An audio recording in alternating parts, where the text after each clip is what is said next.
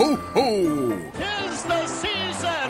La, la la la la la la Fontaine! We have fun with Santa, but we should always remember 25th, baby Jesus born. Eric Lindros er en av de fremste could have been-historiene i NHL.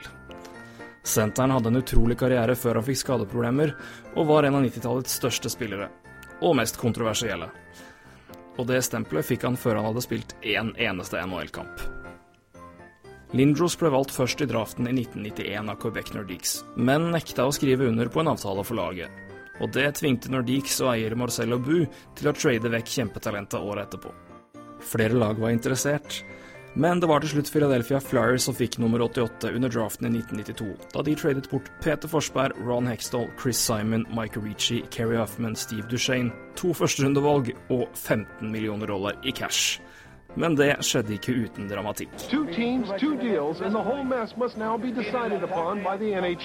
Nordiques og Flyers ble først enige, men Quebec trakk seg etter og Bu fikk beskjed om at tilbudet fra New York Rangers var en bedre hockeydeal.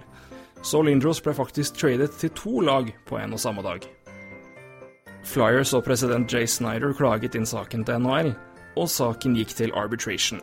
Og der ble det vedtatt at avtalen mellom Flyers og Nordiques var gyldig. Og det skal New York Rangers være glade for, for bare hør på det her. Ifølge rapporter skal Rangers ha tilbudt Doug Waite, Tony Amante, Alexei Kovalev, John Van Beesbrook tre førsterundevalg og 12 millioner dollar i cash. Jesus! I stedet bytta Rangers vekk Waite, Amonte og Van Beesbrook for andre spillere som ble sentrale deler av laget som vant Stanley Cup i 1994. The waiting is over! The New York Rangers are the Stanley Cup